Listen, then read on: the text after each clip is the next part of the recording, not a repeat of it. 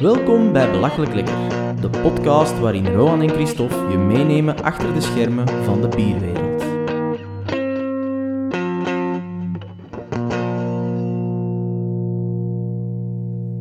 Welkom bij Belachelijk Lekker.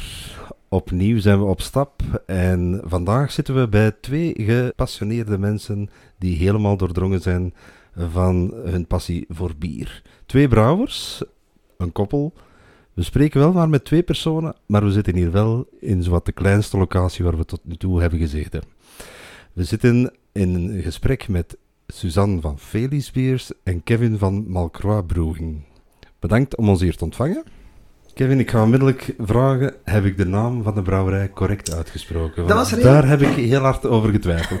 Dat was redelijk correct. eigenlijk. Malcroix. Ja, ik maak het niet heel veel uit hoe dat je het uitspreekt. Eh, ik heb al van alles gehoord. Eh, maar officieel denk ik, want ja, het is, het is verzonnen. Hè? Dus, ah, het, is, het is eigenlijk een... eh, het komt van het Oud-Bilees Frans voor het, de Vossenburg van de Vos Rijnaarden, Malpertuus. Toen ik de brouwerij startte, was ik aan het zoeken naar een naam, iets, een link met een Vos. Maar je hebt al heel veel... de Vos bestaat al, Rijnaard, Malpertuus, alles bestond al. Dus ik was dan gaan zoeken in, in het oude parabel van, van de Vos gaan zoeken, zo teksten, of dat er niets ineens zou worden. En ineens, ja, op een of andere manier kwam dat ineens naar boven, dat woord, zo, ah, malcrac. Ah, dat klinkt wel, zo, dat kun je gebruiken zo in Frans malcrac, hè. Een chimène malcrac. Niet dat ik mij vergelijk met een chimène, absoluut niet. Maar zo, ja, dat is zo dezelfde, dezelfde pak, zo'n woord, zo, met een invloed, dat werkt wel. En je kunt ook op zijn Engels uitspreken, malcroix. Zijn er ook niet zeggen, dus kan ook. Dus het is een beetje internationaal, vond ik. Een goede link met een vos. Als je wat ging zoeken, niet iedereen weet, hè, maar als je zo wat verder gaat zoeken, is dat wel leuk om zo iets in te steken. Zo. Ja, uiteraard. ehm, eh, dus En dan, voor- daar komt het uit, maar je hebt het goed gezegd. en voor degenen die u niet kennen, uw familienaam is De Vos. En daarom de link Vos naar de, naar de Vos. Ja. Ehm, en dan Felis Beers, dat heb ik ook correct uitgesproken, maar dat dacht ik dat iets makkelijker ging zijn. Ja, op zich wel. Het mag gewoon Felis, Beers hoeft er zelfs niet bij. Oh, Felis. Eh, Oké. maar Felis is eh, Latijns, eh, de Latijnse genoemde familienaam voor, eh, voor middelgrote katten. Ja. En ik ben een beetje crazy cat lady, dus er moest eh, een Dus kattenlink moest sowieso ergens in mijn bier zitten, ergens rond mijn bier zitten, dus vandaar. Ik begon in mijn intro onmiddellijk met dat jullie ja, echt gepassioneerd zijn en heel hard bezig zijn met bier. Eh, want niet alleen brouwen jullie allebei, maar jullie hebben daarnaast ook nog de biershop en brewware. Daar zijn jullie ook allebei nog mee bezig. Dat is vooral Kevin zijn ding. Ja, ja bro, hey, het is allemaal begonnen met de biershop. Dat is eigenlijk eh, in 2015 mee begonnen, denk ik, hier, toen we dat huis hier eigenlijk kochten. Eh, was de bedoeling wel om te brouwen in de kelder, maar daar was de kelder iets te klein voor en iets te laag voor. Eh, en dan ik dan stokkeer ik er wat bier voor mezelf in. En dan is die kelder beginnen groeien met riksjes en nog bier en nog bier. En dan duur zou toch af en toe een fles willen verkopen aan iemand. Totdat het ietsje groter is geworden wel. En dan 2017 had ik gezegd, oké, alles uit de kelder boven de grond. De garage helemaal leeggemaakt en dan geclimatiseerd, geïsoleerd. Eh, een beetje kelder boven de grond idee van biershop. En deed dan twee jaar zo geduurd, de shop zelf. Ehm, en dat ja, wel een brouwgest. Achter de schil gewoon homebrew, thuisgebrouwen. Eh totdat ik ook import ben beginnen doen van bier uit Amerika, eigenlijk, eh, via een importeur van Nederland. Ik heb dan de import gedaan voor België. En op dat moment moesten we een vergunning aanvragen voor accijns en uh, Ja. douane. En dat is dezelfde vergunning eigenlijk dat je nodig hebt als brouwer. Oké. Dus ik ah, kijk, dat is wel goed. Ik dan toch voor de import doe, eh, die vergunning alles aanvraag, ik ook ineens dat, dat deeltje voor brouwen erbij doen. Dus kijk, dat zijn een paar extra dingen moet aangeven, dat daar. Dus eh, ik zeg, ja, dat doen we. En dan kan ik ook ineens officieel beginnen brouwen. En vanaf dit moment, ja, al dat je dan brouwt, moet het toch aangeven. Eh, is het eigenlijk officieel begonnen in mijn klein spijlotje, 20 liter. Mijn eerste bieren, dat was echt 20 liter. De douane verklaarde mij zot dat ik er eh, verbelde voor, voor dat aan te geven. Maar, eh, en dat ze dan blijven lopen, ja, gewoon brouwen buiten wij spreken. En hier de shop eh, twee jaar lang.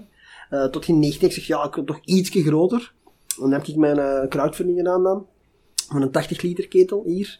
En dan is de shop zullen dan beginnen veranderen een paar keer zo. Dus is hier zo een klein stukje achter mij zo de, een klein 80 liter keteltje gekomen. Is Suzanne eigenlijk dan 20 liter over geërfd van mij eigenlijk. En toen is haar verhaal ook begonnen. Dus dan is de Felix ook begonnen. En dan kon zij een keteltje gebruiken. Eh, zo is dat een beetje blijven groeien, zal ik zeggen. Dus dat is de eerste stappen geweest van, van hier. Eh, en Brouwer, dat is, ja, dat was ook het idee van in de tijd van de bier shop had ik dan. En ik, ik wou heel veel mensen lopen rond met van ja, ik noem dat zuipers. T-shirt van I'm drunk, en wat is dat, Ja, dat soort ja. En ik zocht eigenlijk, of, of anders merk t-shirt, hè, duvel, schoef, al die, al die dingen. Maar ik zocht eigenlijk zoiets dat iemand kan aandoen, dat zo redelijk neutraal is qua kleding, toch duidelijk zie je waar dat iets met bier of goed, eerlijk gebrouwen bier te maken heeft, maar niet echt aan een merk vast. Eh, dat was het idee, dus ik heb dan dat logo ontworpen en dan zo wat dingen mee op de markt gebracht. T-shirt, eh, truien, kwaliteitsdingen wel. Alleen ja, daar is zoiets met corona dan ertussen. Die is sowieso een beetje stilgevallen, festivals weg. En dat is echt zoiets, kleding, ja, dat moet, dat moet eigenlijk zien. Dat verkoopt op een festival. Klein beetje online en in de shop, maar niet overdreven veel. Ehm, er is een klein beetje stilgevallen. eh en ja, het is ook niet veel tijd meer hoor. Probleem Ja, ja. in de shop. Broerweer en brouwen. Ik heb er heel veel tijd in. Eh, administratie heb ik dan allemaal verdubbeld en alles erbij natuurlijk. Dus daardoor ligt hij op een beetje op een laag pitje. Ik wil het nog niet helemaal opgeven, want ja, toch een beetje een kindje. eh, Een deel, of Ja. een van mijn ideeën, kindje. Maar dat ligt wel op een laag pitje nu voor het moment. Ja. Eh, En in- de shop, want daar waren welk type bieren? De bieren waar je zelf grote fan van bent? Of eh, was dat breder? Of... Ik heb, ik heb eigenlijk nooit iets verkocht dat ik, eh, dat ik zelf niet graag lust, ik zal zeggen. Eh, heel af en toe kwam er wel iets, ja, een, een triple nog langs. Ik ben zelf niet een grote triple drinker. Dus ik probeer dat tot een minimum te beperken. omdat ik zeg, als het niet verkocht, dat is een hobby voor mij. Als het niet verkoopt, ja, dan moet ik het zelf opdrinken. En ik kan hier niet te veel binnenpakken dat ik niet graag lust. Plus dat ik altijd wel een selectie heb gemaakt van welke bieren dat ik binnenpakte. Maar bijvoorbeeld van bevriende vrouwers, pak dat wel eens. Als die het binnen hebben, pak ik wel eens in het begin een triple mee. Dat ging ook mee in biermandjes. Uh, maar dat is wel, in het begin ook heel veel Belgische bieren. Ja, eigenlijk, de evolutie van de shop is eigenlijk een beetje het verlengde geweest van waar ik zelf graag lust of in die tijd. Het is een beetje begonnen uit liefhebberij. Ja, iedereen is wel begonnen met de Belgische, ik zeg het, betere supermarktbier of trappisten. En dat is ook begonnen, maar dan leerden meer bieren, buitenlandse bieren kennen. En die zijn die erbij gekomen, leerden meer stouts kennen uit Amerika, uh, Nederland, Moersleutel bijvoorbeeld helemaal in het begin. En dan ja, gaat er een wereld open. En dan, ja, het gamma dat ik aanbood, weerkaatste wel een beetje hetgeen dat ik ook zelf dronk. Dus dat is dan wat meer en meer, ja, echt op craft bier uh, uitgedraaid, zal ik zeggen. En zo af en toe nog wel zo de, de Belgische verzamelbieren. Cuvée van de Keizer, uh, die blauwe, die met jaartalletjes op. Dat houden bij hem dat dat plezant is om te bewaren. Omdat je ook het idee had dat hier, mijn shop was al heel het jaar door geklimatiseerd, heel het jaar door 16, 17 graden. Uh, dat is ideaal om mijn bier te bewaren. Dus dat was een beetje de meerwaarde dat ik zocht met mijn shop, om dan de mensen echt naar hier te lokken, dat ik zei, die echt wel daar aandacht aan schouw hoe dat, dat bewaard werd en niet gewoon in de supermarkt meepakte. Dus dat was de biershop eigenlijk een beetje. Dat is nu allemaal ja, ook minder geworden. Ik heb echt moeten keuzes maken. Ja, de plaats die we hier zitten, wat is hier? Uh, vierkante meter of tien of zoiets. Garage. En er niet veel tijd. Uh, de shop is eerst gehalveerd geweest. Dat was dat deeltje brouwerij uh, achter ons. Dus de helft was dan echt wel shop en helft brouwerij. Dat heeft een paar maanden geduurd en dat, ja, dat ging echt gewoon niet. Dat, dat is moeilijk, ja. Ja, het moet nog leefbaar zijn ook om... Uh...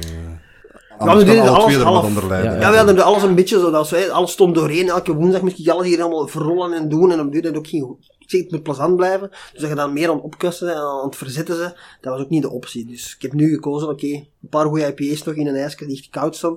En een paar heel goede stouts, die ik ook zelf graag drink. Als dat niet verkoopt, dan drink ik dat zelf op met heel veel plezier. Uh, en anders komen de mensen naar hier van ons bieren, maar dan kun je dus ook iets extra meepakken, dat ze niet alleen voor ons komen. Want voor alle duidelijkheid, het is niet jullie fulltime job. Nee, nee, nee, nee totaal niet. Het is eigenlijk uh, hobbymatig dat wat uit... Uh, uit de hand gelopen. Uit de hand gelopen, ja, ja, ja, dat is echt zo. Ja. ja. Ja, ik werk drie dagen in de week. Allee, drie, drie vijfde zal ik zeggen. En twee dagen dan voor de shopbrouwerij. Uh, dat was al ervoor ook al wel begonnen, voor ik echt aan het brouwen was. Omdat ik dan maandag bieren ging halen. Door heel België meestal zo. Um, en woensdag was de shop open. En die uur, dagen zijn wel gebleven. Alleen is ja nu het verschil. Maandag brouw ik meestal. En woensdag de shop open. En de voormiddag wel bottelen of, of andere dingen doen in de brouwerij. Plus ja, elke avond natuurlijk na uren. En zit ja, elke dag bezig. En elke weekend. Dus op zich. Ik heb veel tijd. Is uw gewoon werk, is dat ook iets in de verkoop? Want ik weet nog wel goed, je kunt zo smakelijk over bieren vertellen. ik kwam naar hier voor, eh, voor uh, een stuk of 6, 7 biertjes, 10 misschien. En ik kwam hier gemakkelijk met 15 à 20 bieren naar buiten. Uh, ja, dat moet er nog eens proeven, dat moet er nog eens proeven. Ook mensen daar achter mij. neemt voor iedereen zijn tijd. Dus uh, als je hier buiten komt, heb je niet alleen iets bijgeleerd, je hebt ook iets meer bij. Uh, allee, ja, bon, uh, het was een win-win situatie voor iedereen, had ik altijd een indruk. Maar ik weet niet wat je van gewoon werk doet. Ja, verkoop echt niet. Nee, ik ben echt heel commercieel, denk ik. Of toch niet. Ik ben okay. echt geen verkoper, eerlijk gezegd. Echt, Zolang het geen bier is. Misschien een bier misschien wel, maar al de rest, nee. Ik ben echt meer uh, ja, service of aftersales. Ik, ik heb ook altijd, altijd meestal aftersale dingen gedaan, dus meer service uh, gericht. Okay. Eh hetgeen dat ik nu doe, is eigenlijk gewoon in fietsleasing. Eh bedrijf voor fietsleasing dat we doen. Eh, ook daar is dat meer zo after sales dat je doet. Wel begonnen meer met sales, maar dan ja, administratieve verwerking. Nooit echt verkopen, echt niet, dat is niet echt mijn ding. Eh, ik verkoop altijd meestal te, ver- te koop. Dus ik er meestal niet te goed in. Gaat de baas niet leuk vinden natuurlijk. Dus, een echte goede verkoper ben ik niet. Maar ja, het verschil is met bier, ja, dat is echt wel dat is echt met je passie. passie. Dus dan is dat iets anders. En ik zeg ik verkoop ook zo'n bier die veel langer staan bij mij, omdat ik die gewoon zelf ook minder graag lust en ook minder op aanbied. Het is niet dat ik zeg, ah, ik moet er nu vanaf, ik kan dat verkopen. Ik ben daar eerlijk over. Ik zeg, jij gaat dat misschien lekker vinden. Ik zeg gewoon, ik kan alleen maar doen waar ik ervan vind van dat bier. En de- ik heb bijvoorbeeld een bier staan met chocolade en van die uh, orangetjes met uh, appelsiensap. Maar ik ben helemaal niet voor van die, van die orangette dingetjes. Dus ik vind dat bier niet echt lekker. Ja. Eh, ik zeg er erbij, dat is een goed bier als je dat graag lust. Ja. Ik niet, maar ik, ja, ik kan dat dan moeilijk verkopen. Ik zeg dat er dan bij. Dat die mens zegt, oh, ik heb graag orangetjes. Ja, dan gaat dat ideaal bier zijn voor hun. Maar anders raad ik dat ook niet aan. Dus zo'n dingen, dat heb ik wel. Ja. Eerlijk. Op deze manier gaat het er nog wel even staan, denk ik. Maar Niemand toch, komt ja. voor dat orangetje Ja. Jawel, maar dat je dat aan sommige mensen sommige uitlegt, mensen die Ja, vinden ja. dat wel tof. Maar ik, het voordeel is wel, ik probeer elk bier, kijk, ik heb er nu niet zoveel meer, maar vroeger zelf, probeer ik elk bier op voorhand, voordat het buiten ging, geproefd te hebben. Heel harde job, En maar ook niet erg. echt veel binnen. Ja, zeker dat dat binnen kwam. Soms kwam dat binnen van, hè, dat je een, een laat halen in Nederland dan, voor hier, en dan waren zo, ja, 8 à 10 IPA's en 12 stouts erbij. Ja, ik had al soms maar twee, drie dagen voor die te proeven, dus allemaal ging dat niet, maar ik probeerde toch echt wel, dat de mensen komen, dat je tenminste kon uitleggen, dat ik van, dat, dat bier pak ik mee. Hè. Want Ja, toen moet je zeggen, ja, sorry, hier heb ik echt nog geen tijd gehad, of een fles van 50 euro, dat ging je niet zomaar vlug open doen. Dat, Nee, dat, dat niet, nee, dat snappen de mensen ook wel. Maar voor de meeste bieren probeer ik wel binnen de korte tijd uit te leggen van wat dat bier was. En de grote winkel kan dat bijna niet. Dat is Nee, zo, dat besef ik ook. Dat, hey, ons, omdat wij zo klein zijn, eh kun je dat meer doen. Maar dat was zo het, het verschil hier, dat je dat proefde. Aan de mensen die dat appreciëren, en die vonden dat wel tof. Je had niet de grootste collectie, maar je wist wel waar je buiten ging meestal. Eh, dat was het. In welk jaar ben je dan eigenlijk beginnen echt brouwen met de intentie om te verkopen ook? Commercieel. Eh 2019 eigenlijk. Eh, ja, een beetje tegelijkertijd bijna met die vergunning dat ik dat moest hebben voor de, voor de import, zal ik zeggen. Eh, ik was ervoor eh, net mee begonnen, zal ik zeggen. Dus ik denk, ik heb het straks nog opgezocht, even, omdat ik het ook niet meer echt zelf wist. Eh, maar in eh, juni eh, 2019 heb ik mijn eerste officiële bier eh eh gebrouwen. Ik zal zeggen dat echt verkocht. Ja. Ik weet dat we daarvoor maar naar Amerika was en ik zocht echt in Amerika aan het zoeken naar een bier. Ehm, ik zeg, ja, ik moet een eerste bier dat ik op de markt gaan brengen, moet wel iets, speciaals zijn. Ik wou iets meepakken vanuit Amerika. Ik wou eerst gewoon water meepakken vanuit Amerika, maar dat is niet zo slim idee, dat weegt nogal veel. Als je brouwwater wilt meepakken. Eh, dus ik- nee, op een bepaald moment waren we aan het wandelen in de Black, eh, Black Canyon of the Gunnison. Ehm, ik zei ineens aan dingen een Geneverbes boom staan, geen struik, maar daar zijn echt bomen. Ik- ah, dus ik heb daar een stok gevonden, ik zeg, ik pak dat mee, ik kan iets met hout doen in dat bier. En het idee was al, ik wou een Black IPA, dat was mijn eerste bier. Dat niet het meest voor de hand liggende bier als startende brouwer, maar ik vond dat zelf zo'n fantastische stijl. Ehm de Black IPA dan gemaakt en die een tak in stukjes gezaagd en erbij gedaan. En wonder wel, dat was, eh, dat bier op zijn eigen was al een redelijk goede balans vond ik van Black IPA. En met de hout erbij, dat werkte echt wel. Dus dat was echt het eerste bier en dat was ja, juni 2019. Ik gezien dat ik die gemaakt heb in een klein keteltje 20 liter. Hebben die twee keer, ja, ik moest dat echt elke week bekend brouwen. Voordat ik klaar ja, dat is maar 20 liter, dat was echt direct op. Dat was een halve liter flessen toen, dus dat was, ja, dat was niks eigenlijk. Eh, ik heb nog goed dat ik voor toen Modest, dit jaar Modest was toen, een bierfestival, ik dan eh, op, op Keg dan getrokken heb, dat ene keer eh, een batch gemaakt heb. En dat is ook ons eerste bierfestival, echt zo, de eerste keer dat ik daar stond. Met maar één bier, ik had echt maar één bier op dat moment. Ehm, en dan tegen dan het einde van het jaar, ja, dat waren we al, ik zeg het, juni, ja, een maand, vier, vijf verder, werd dat keitje echt te klein. En dan heb ik die crowdfunding opgestart dan van een 80 liter. Ik dacht, ja, daar ga ik zeker mee toekomen, 80 liter. Eh, dan kan ik al veel meer bier brouwen.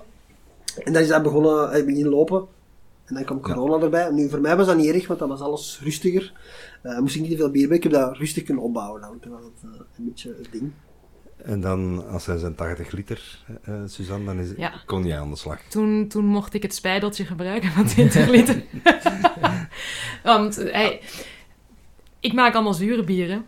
En, en ja, mijn, mijn melkzuurbacterietjes mogen niet in zijn installatie. Maar ja, toen was het niet meer zijn... Of ja, het was wel zijn installatie, maar hij had dan een ander. Dus dan, dan mochten ze erin. Dus Ja. dan ben ik eigenlijk ook met mijn eerste receptje begonnen. Ehm, ja, dat gaat zomer ergens 2019 zijn. Maar ja, niet, niet voor te verkopen, gewoon voor eens te proberen. En dan wel zo festival hier, plaatselijk, eh, plaatselijk bierfestival. ehm, van, we, we hebben ook nog dit. Ja? Wie, wie wil kan eens proeven. Eh, dat was toen een, was dat, een goze met meloen en witte peper, denk ik. Ehm, een en dat was eigenlijk was, eh, was, was, was heel eh, positief onthaald. Ja, en, en, maar ook gewoon van een, van een ja, inspiratie van een recept dat ik had gevonden en gedacht, ja, dat wil ik eens proberen. En dat is eigenlijk de moment geweest dat eh, ja, het vuurtje extra is aangewakkerd. Toen was het inderdaad nog onder, onder Hoppycat. Ja, Daar was ik mee begonnen. ja. En ehm, ja, dan heb ik volgens mij dat jaar mijn komkommergozen nog voor het eerst gemaakt. Ook nog onder Hoppycat. Maar dan noemde dat nog Don't Be Afraid of the Cucumber gozen. Ehm, en dan het voorjaar nadien of zo de, de eh, rode bietengozen. En toen ben ik eigenlijk in zomer 2020 ben ik... Toen heb ik mijn eigen installatietje gekocht. En het is verdubbeld ten opzichte van wat dat was, maar dus nog altijd stelt het niet veel voor. Ehm, maar toen ben ik ook eigenlijk van naam veranderd eh, naar Felis. Ehm, ja, dat, hoppy, dat hoppycat was leuk, maar dat paste zo niet, want mijn bieren zijn ten eerste totaal niet Ja. Ja. dus dat was zo een beetje raar, dat, dat klopte zo niet helemaal. En ja, er was zo ehm, een, een, een andere brouwerij die vond dat het logo wat eh, te veel op dat van, van hen trok. Hoewel, ja, daar waren de meningen nogal over verdeeld, maar goed. Ehm, maar eigenlijk al die dingen, ook omdat ik dan groter ging en wel met het oog om ook commercieel te gaan, dacht ik, ja, dat, hoppy, dat, dat, dat, dat klopt al ergens niet. Nu is de moment eigenlijk om te rebranden, om het dan maar chic te zeggen. Maar ik denk, als ik dan toch meer in winkels ga geraken, dan kan ik het beter nu doen dan over een jaar of twee jaar of weet ik het wel. En dan ben ik op Felis gegaan en met de, de, de strakke etiketten met het, met het glas en de oogjes. Daarvoor waren het ook zo meer comic dingen. Die dan ook altijd, ja, je moet dat zoeken, je moet dat kopen, want ik kan dat zelf niet tekenen. Dus dat was altijd lastig om die logo's te maken, eh, die, die etiketten te maken. En nu, ik heb zelf dat glasje gemaakt en dingen. En dat is ook gewoon veel gemakkelijker. En, Nou, en duidelijk Ja, ik, vind herkenbaar. het lo- ik vind het logo eigenlijk eh, prachtig in zijn eenvoud. De, de, de, paar, de, de paar lijnen die gebruikt worden, zeggen meteen alles Ja. over, eh, over wat het is. Ja, Dus ik vind het eigenlijk eh, ja, geniaal gevonden. allee, merci. Ja. En, en die gekleurde ogen die dan Ja. veranderen naar gelang het bier ook. Ja. Dan, Ja, daar heb ik mezelf wel een klein beetje mee Vastgezet. ja, vastgezet. Ja, mijn creativiteit gaat verder dan het aantal kleuren dat ik deftig kan, kan linken. Want ik probeer het altijd wel ergens een link te, te laten hebben met de ingrediënten of het speciale wat ik in dat bier gegooid heb. En ja, op de deur de houdt het... komkommer, ga je naar, eh, naar het groene dan. Ja, dat is een donkergroene, maar Ja. ik heb dan met jalapeno, pepers en limoen, dat is ook groen, dus dat is dan al lichter groen. En ik had dan met gember en citroengas, dus die is nog lichter groen. En ik heb al tinten geel, tinten rood, roze, paars. Dus het, begint wel lastig te worden. Ja, Maar, maar ja, je gaat nog iets moeten vinden om daar eh, een ja oplossing een te printer met glitters of zo. Ja, ja, ja. Het grote voordeel is wel, uw bieren zijn nooit meestal allemaal tegelijk te verkrijgen. Nee. Dus het is niet dat ze, als je die allemaal, als je er twintig gelijk zou brouwen, zou het moeilijk zijn om te onderscheiden. Ja, en nu zijn er twee, drie tegelijk, maximum in de winkel meestal. Ja. Dus dan vallen er meestal genoeg op. Dat is het Dus de, de, de namen van mijn bieren zijn gewoon wat dat het is. Ja, de dat is omschrijving geen van wat, speciaal er, iets. wat dat, de ingrediënten en de stijl. Ja, het is gewoon wat dat er in dat bier zit. Dus je kunt, ja, als je een beetje leest, kun je eigenlijk niet missen. Je mag niet alleen maar op de oogjes afgaan, want die lijken af en toe een beetje te veel op elkaar. Maar, Ja, maar ik denk dat je- het trekt heel mooi aan natuurlijk. Hè. Ja. Je trekt de aandacht. ja, Maar als je een bier kiest, ga je toch nog een beetje kijken wat zit erin. normaal gezien wel, hè. Normaal. Niet iedereen doet dat, maar... Je kan, Nee, je maar kan dan- een bierflesje eh, kopen op basis van het, het zicht van het eh, etiket. Maar Ja, ja, er zijn er ook nog het dan, eh, zeker genoeg die dat iets doen, denk ik. Maar ja. maar ja, in principe, En als je een beetje leest, weet je wel waaraan je en, ja, je hebt ook niet de meest voor de hand liggende stijl. Hè. Hoe Nee. ben je er eigenlijk bij gekomen om, om, om Gozen en Lichtenheiner, om die, die stijlen te gaan, gaan brouwen? Dat is een hele goede vraag eigenlijk. Ik, dat is, ja. Het stomme is dat ik eigenlijk Dronk je dat ervoor zelf? Nee, al ja, ietsje daarvoor wel, maar nog ietsje daarvoor moest ik zure bier sowieso niet hebben. Ja. Dus dat is een smaak die bij mij echt heel hard ontwikkeld is. En nu drink ik daar eigenlijk het liefst van al. Maar dat is een hele tijd geweest dat ik dat echt niet moest hebben. En zeker zo richting Geuzes, Lambieken, ja, dat is natuurlijk nog een heel ander zuur ook. Hè. Ik heb er bekeerd. En, eh, maar Ah ja, ik voilà, dacht het voilà. wel. Ik, ik, ik- echt, eh, Kevin heeft me bekeerd. Hij Ja, heeft, mij- hij heeft zijn salestoestanden ook op mij toegepast. En, eh, en nu hou ik wel van, Kijk. van zure bieren. En dan, ja, eigenlijk... Ik denk ook door dat eerste recept eens geprobeerd te hebben. En dan dacht ik, ah, dit is iets tof. Hier kan ik wel iets mee. En dan ook gewoon, ja, ontdekken dat dat wel een heel lekkere bierstijl is... waar je leuke dingen mee kan doen. Maar dat die eigenlijk binnen België niet zoveel te krijgen is. Zeker niet als je gaat naar Nee. kettle sours met iets Het is, speciaals. al, Eh, het is al niet bekend. Het is al niet bekend, Met nee. het grote publiek. Sowieso al- niet, nee. meer, eh, moet al wat biergeek zijn om, eh, Ja. Om echt te weten wat gozer Wat dat is. het is, hè. Ja, ja, ja, het is dat. Dus en het is ja, al niet, eh, niet zo vanzelfsprekend om er dan hier in België inderdaad te vinden. nee, en, en ook deels daardoor, ja, door, door het gemis wat er is en het eigenlijk willen leren kennen, had ik zoiets, ja, dan zal ik het zelf maar brouwen, hè. En dan zullen we wel zien. En dan Bij ook door mensen laten proeven, wel die de stijl dan wel alles geproefd hadden. En zo, ah ja, ja, wacht, maar dat klopt eigenlijk wel, die smaken. Dat, dat, dat is inderdaad wel zoals het moet zijn. En daar een beetje uit vertrokken. En ja, een goze is een heel toffe stijl om zotte dingen mee te doen. Met dat ziltige erin, dat zout, dat, dat, dat maakt dat dan met van alles en nog wat goed. Dat is dus, dus je kunt daar, in de zeg het, keuken is het kom- eh, ja, heel dankbaar om het is eh, gebruik van te En, maken. en juist door dat, eh, door dat zout, dat maakt het... Ga je ook al gemakkelijker zo wat meer het, het hartige cement in, dus segment in. Dus dan... ehm gelijk die komkommer, die rode bieten, dat zijn dan van die rare ingrediënten eigenlijk.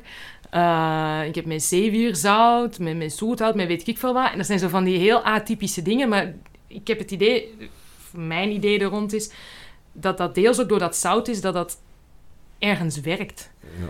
En dus ja, dat is gewoon een heel toffe stijl. En dan daar wat verder in beginnen, ook die Lichtenheiner. Er is over of een, een, een Nee, die weet ik hoe dat eh, komt. Ja, ja, van, van de Kromme Haring. Die hadden een Lichtenheiner met persik. Ja.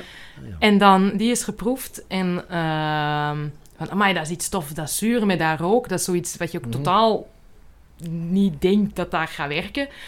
Maar dat werkt. En dan ja, daar we over gaan lezen. En dan zie je wat voor stijl dat, dat is. En dat dat eigenlijk een pure Lichtenheiner helemaal bijna niet te verkrijgen is. Ehm, dus dan zelf gaan brouwen. En er dan achter komen dan toevallig net wanneer dat de mijne gebotteld was, de Gio die van hem. Ja. Dus dat we ineens met twee Lichtenheiners op de Belgische markt zaten. Eh, van Galea dan. Dus dat was wel grappig. Maar dat was ook wel weer leuk om dat dan naast elkaar te proeven. Want echt heel... Echt, echt recepten waren niet te vinden. Of in ieder geval heb ik niet gevonden. Hij had dat Nee. volgens mij ook niet echt. Dus je, je, je leest een beetje in naar wat, aan wat het moet voldoen. En je doet er iets mee. En om dat dan naar, naast elkaar te kunnen proeven. En zien dat dat anders is. Maar toch eigenlijk heel erg hetzelfde. Is dan ook wel weer heel tof. Dus dat experimenteren er rond is gewoon... Ja, ik vind dat heel plezant. Ja, het is een bierstijl die zelfs in Duitsland op een gegeven moment volledig verdwenen Ja. is. Tot er een aantal cafés en, eh, Ja, dat terug weer een beetje... zijn eh, mee gestart. Ja, En eh, nu zijn er terug wel een aantal die dat uh, Ja, nu is het wat hipper, hè. nee, het blijft wel, zo'n zo. een, een, ja, een niche een beetje. De, Ja. de, de gozen zie je wel meer nu. Die, die is echt wel weer... Maar dan gewoon basisgozen is al minder. Meer echt met van alles en nog wat in. Ja. Maar de gewone goos is weinig. Dat is ook deels de reden waarom dat ik uiteindelijk na al mijn gozes met van alles en nog wat erin ook eens een keer een basisgozen ben gaan brouwen. Eh, ook zoiets van, ja, weet je, moet die stijl ook een beetje eer, eer aan doen. Hè? Die, die- die moeten we toch ook eens een keer kunnen proeven hoe dat, daar ja, van waar dat het eigenlijk allemaal komt. Ehm, En om het gezag van Dylan af te zijn. Want die heeft al tien keer Ja, gezegd, die- die maak zei ook een al, ja, ja, ja. Niemand maakt een gewone gozer. En dus, om- om dat vandaag gezegd af te zijn, Nee, ja, maar dat was nou niet de hoofdreden, maar ja. toch wel. Maar Dylan was ook blij, dat is waar. Dat- ja. Maar en nog niet naar Duitsland geweest om daar Nee, eh, ik zou dat graag wel eens een keer machine- doen, maar daar zijn we inderdaad nog niet, eh, nog niet geraakt. We zijn eh, meer de andere kant op gegaan voor onze reis. Nee, Maar, ja, ja. naar Amerika hebben we er straks gehoord. Amerika, om, eh, ja. voor- Voor Kevin eh, zijn, zijn eerste een takje te gaan halen. commerciële eh, Ja. bieren. eh. Ja, ik ben wel redelijk Amerika-minded. Ja, ook, alleen, mijn bieren niet, niet per se allemaal, maar ik ben wel, allee, Amerikaans geïnspireerd, dat zou ik wel zeggen. Er, Ja. zit wel veel... eh, Ja, ik daar mijn hart verloren en ook in mijn bier komt ook wel een beetje naar boven. ook bij u ook wel heel veel stijlen die dat ik hier in België niet zo heel veel tegenkwam. Die, die pumpkin ales, hè, die je af en toe maakt. Mhm. Ik had dat hier nog niet echt tegengekomen van, van Nee, dat klopt, merken. dat Dus, eh, klopt. Jij hebt me dat leren drinken. Dan ook van Eh, eigen ja, merk. dat is ook zo'n stijl. Die zijn altijd puur Amerikaans bijna. En plus ook, ja, de mensen hier snappen die, die stijl ook niet. De Nee. American Brown Ale zelf, Frankenbroek, Ja. dat is mijn tweede bier dan. Dat is ook zo'n stijl dat eigenlijk niemand hier echt snapt. Hè, dat is heel, een bruin bier, dat moet zoetig zijn. Een Mhm. Brown is totaal niet zoet. Eigenlijk, dan een bruine IPA noem het maar. Grof, Mhm. eh, heel kort door de bocht zal ik zeggen. Eh, en die pumpkin ale is eigenlijk hetzelfde. Mensen denken pumpkin ale, eh, pumpkin in een bier, dat gaat, ja, moet echt een zwaar, een, een barley wine-achtig Ja, ja. bier zijn, of een stout met, met, met pompoen in. Maar eigenlijk een pumpkin ale op de basis is echt gewoon een heel doordringbaar bier, niet zoet eigenlijk. Wel met die kruiden in, dat je verward met, met zoet, mm speculaas allemaal. Maar eigenlijk zijn dat eigenlijk, ja, heel drinkbare ales gewoon, die, die je doordringt, 5, 6, 7 procent, misschien maximum. Eh, en ja, in België is dat een hele moeilijke stijl om, de mensen te laten, laten begrijpen. Zodat ze, ah, oké, ze snappen wel een, een IPA kan nog 5, 6 zijn, maar zo'n pumpkin of, of een bruin bier, dat kan niet echt doordrinkbaar zijn. Dat moet echt zo'n bijna trappist idee zijn, zo, daar moet echt van genieten. En dat zijn eigenlijk gewoon redelijk doordringbare bieren die je niet per se echt een hele avond gaat van genieten. Die moeten redelijk fris drinken, niet koud, maar wel fris drinken eigenlijk. En ja, in België is dat nog niet echt... eh nee, maar, ja. Nee, veel, veel Belgische bierdrinkers verwachten stevige kleppers. Ja.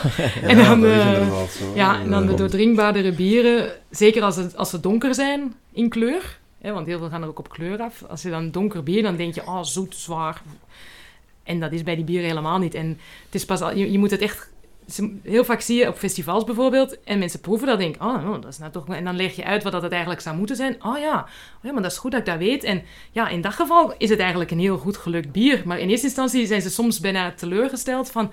Oh, dat is hier niet een of andere plakkerige... Het zijn eigenlijk bedoeling. met een handleiding. Je Ja. moet altijd de, de uitlegger Moeten de aan- Eigenlijk uitleg is het op mijn bier staat meestal een kort tekstje. Heel veel plek heb ik niet. Ik zou graag daar een boekwerk op zetten, maar ik moet altijd eh, heel, eh, heel beknopt zijn. Maar ik zit op de meeste van mijn bier altijd wel iets van wat je kunt verwachten, wat je gaat proeven.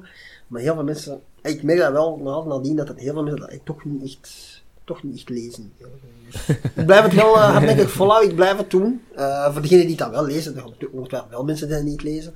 Maar je merkt wel dat heel veel mensen dat toch nog niet echt... eh, ja, je kunt ook niet verwachten van iedereen die... eigenlijk sommige mensen drinken gewoon een bier... Ja, ik wil dat gewoon nieuw testen. En die proeven dat. Je kunt niet verwachten dat iedereen... Ja.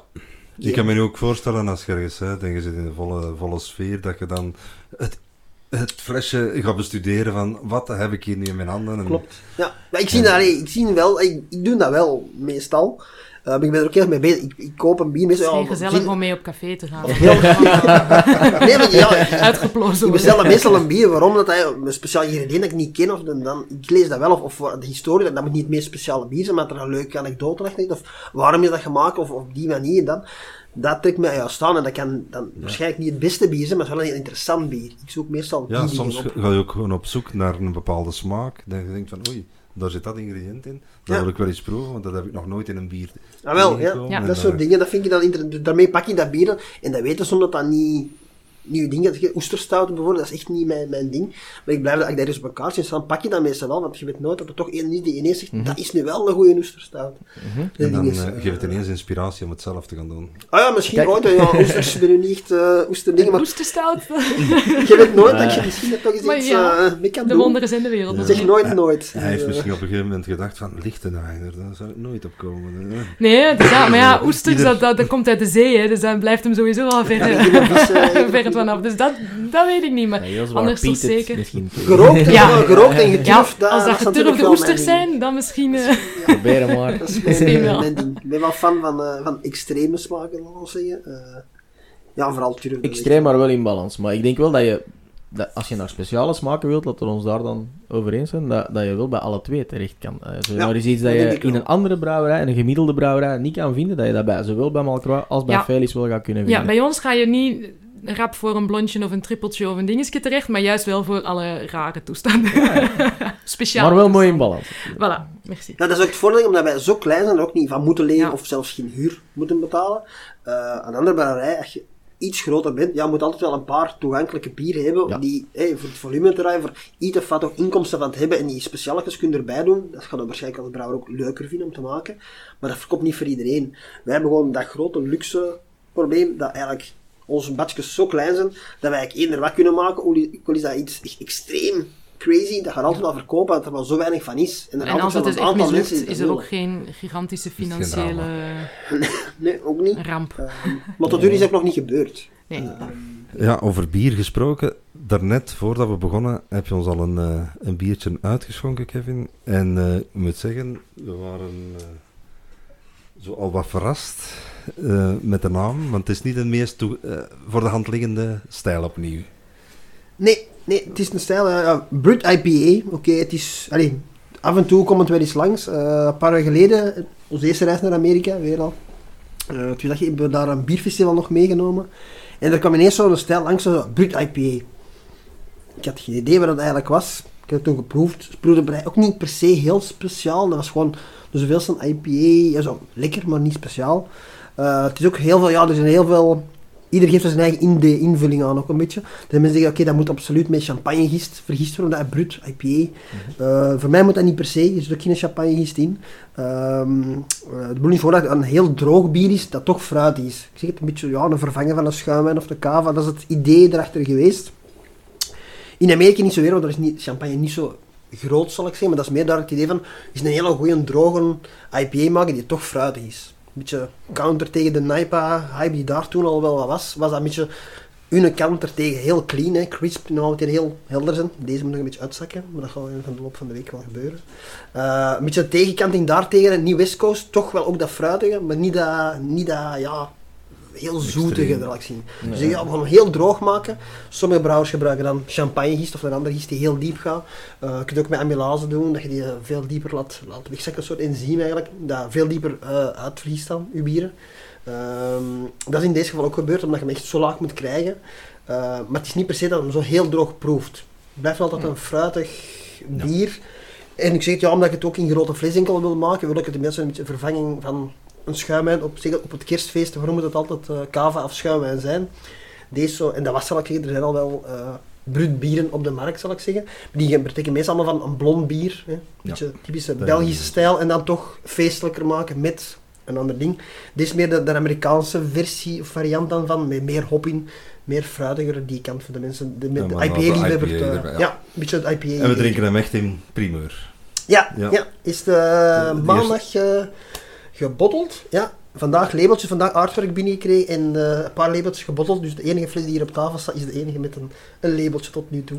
Wow, Dus, geweldig, eh, echt hele primeur. En als ik het goed uitspreek, dan... eh daar zitten... Je vertelde dat er een heel deel betekenissen eh, tot die naam hebben geleid. Ja, ja dat is iets dat gewoon in, in, in mijn bed, in mijn, eh, ah, toen ik wakker lag in mijn bed, ik lig soms ineens zo wakker. en dan bedenk ik zo bier, want ja, bier was eigenlijk nog niet eens gebrouwen. Ik was aan het spelen met, ik wil eens een bier maken, iets anders dan anders voor de feestdagen. Eh was niet echt per se van plan om een Brut IPA te maken. Ik wou wel iets in een grote fles, dat wist ik al. En zo'n beetje iets, ja, decadent is een groot woord. Maar zo een specialere fles. Ehm, en dan is eh, de naam, ik zie ja, dat is het. Hè. Ik wil iets met een vossen, ja. Dus ik probeer in heel veel van mijn labels zit meestal wel een, een vos-thema of ergens iets in te vinden. Eh, in deze geval, ja, vulpus is, wil zeggen eh, vos in het Latijn. Dus deze heb ik een een samensmelling van vulpus, delicious, hè, van lekker in het Engels dan, en vulptuous. Een beetje weelderig, volle dingen. Dat zie ik een beetje op het label. De, mensen, Mooi. de luisteraars gaan dat niet kunnen zien, maar het is een beetje een... Nee, maar dan, eh, die gaan we doorverwijzen naar onze Instagram-pagina en daar gaan we de, de foto dan opzetten en dan kunnen ze het eh, helemaal... eh. En dan gaan ze ook merken dat eigenlijk het artwork heel knap gedaan is. Hè? Ja. Het idee erachter was dat ik een beetje een bier dat je op de feestdagen dus kunt proeven. Maar ik wou het iets verder trekken. Als je zo een, een, een cabardouche of een, een, een bar binnenstapt van, van lichte zeden, zal ik zeggen. Meestal dat een champagnebar dat noemen. Dat is dan niet het geval. De Vossen zouden dan naar, naar dit bier grijpen. Eh, en dan eh, na een paar van die flessen, dan eh, kan er van alles gebeuren. Dat Kan is het idee erachter. Ja. Ja, want eh, kijk, om te beginnen, we kunnen ook met deze podcast de geur niet meegeven. Jammer genoeg, want eh, Kevin, amai, oef, hoeveel hop heb je hier ingedaan? Dit is ongelooflijk. Dit is echt mijn stijl, dit. Ehm daar zit redelijk wat hop in. Nu, in de kook niks. Eh, helemaal niks. Ook met een primeur voor mij. Deze bier heeft op heel wat punten wel eh, dingen gedaan die ik nog nooit had gedaan in een ander bier. Eh, zoals, eh het is al niet, geen mash-out. Dus ik zeg, eh, brouw normaal zien, na je mash stappen, ga dan meestal naar het einde naar 78 graden ongeveer voor hey, je mash out te doen, bieren. Eh, ik had nog wat opgezocht op internet, ja, meestal heb ik zo'n bier in mijn hoofd te begin zo, de dagen op voort, of s'nachts vooral, te zoeken zo naar allerlei forums waar je dan op komt zo, en, al, en dan je eigen idee van al die verschillende ideeën maken. En een daarvan was ja, geen mash out doen. Het idee erachter is blijkbaar dan dat je dan toch meer vergiesbare suikers zou houden. Ik zeg, dat is allemaal heel... Ja, dat is zoals in de bouw. Iedereen heeft zijn eigen idee erover. En de Ja. waarheid ligt ergens in het midden waarschijnlijk. Mhm. Maar ik dacht bij deze bier, ja, het is toch iets nieuw. Ik kan dat proberen. Dat was eh, het eerste nieuwe unicum dat ik nog nooit gedaan had. Eh, en het tweede is dan geen hop in de kook. Helemaal niks. Meestal gebruik ik wel wat hop in de kook toch. Eh, erin. Eh, voor toch iets van bitterheid. Omdat ik, ik ben graag voor bittere bieren, zal ik zeggen. Maar in dit geval tegen BTW erin. Ik heb mij echt moeten tegenhouden om, om toch hop erin te kappen. Altijd nog aan het koken was. Ik heb echt gewacht tot het gedaan was. Dat dan terug eh, op whirlpool temperatuur was. En dan pas ja, heel veel hop gedaan. Dus al de hop die ik in de kook meestal er had bij gedaan, heb ik dan mee in de, in de whirlpool gedaan. En een goede klets erbij nog. En dan nog een beetje draai op. Nu ik zeg het, wat draai op is hem niet heel, ehm, niet heel crazy gaan. Eh 6, 7 gram de liter, dus niet overdreven. Dat is een gewoon IPA eh standaarden. In de whirlpool is er wel heel veel ingegaan. Ehm ik zeg omdat ik dat toch wel probeer. Ja, ik moet ergens die hop toch kwijtraken, dus dan was het maar in de whirlpool. Ehm ook een gat van Yakima hebben zo'n eh, een cursus gaan volgen. Het is gewoon voor de survivable components. En ik heb dan wel hoppen gekozen die dan op dat moment het meest overhouden van hun aroma's, zal ik zeggen. Dus ik heb daar wel een beetje... Ja, ik zeg het, ik vang overal zo wat dingen op. Ik heb nooit de cursus gevolgd voor brouwen, maar ik vang overal... En ik lees veel dingen en ik volg dingen op. En ik maak mijn eigen idee ervan en dan, dan proberen we dat. Ja, en in ja. deze geval heeft dat wel ook weer al gewerkt, toch? En wat dit ook is, en je had het ons al verteld in het begin, ehm, het alcoholpercentage. En dat komt in de smaak niet overeen met... Nee, nee, hij zegt wel, eh het is 10,5% eh geworden, omdat hem ja, zo droog is uitgegist. Eh, ik zeg dat ze normaal, ik heb uh, had hem uitgemet TSG eh, gewoon zou uitvergisten, kwam ik iets van een 8%. Dat was het eh, idee, maar door met die enzymen toe te voegen, ja, gaat het nog een pak dieper.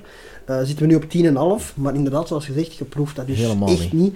Je hebt zoals die bieren, echt een triple IPA, die echt wel dat, dat barley wine gevoel, dat, dat zoetere, wegen, alcohol wel bijna proeft, zal ik zeggen. Eh, dat hier echt niet. Ik zeg, deze Nee, je 5, ruikt 6 het procent er zou ik het ook eh, kunnen geven. Dus levensgevaarlijk Ja, eh, ja. bier. En, en doordringbaar, niet die extreme bitterheid die heel hard gehopte IPA's Ja. hebben.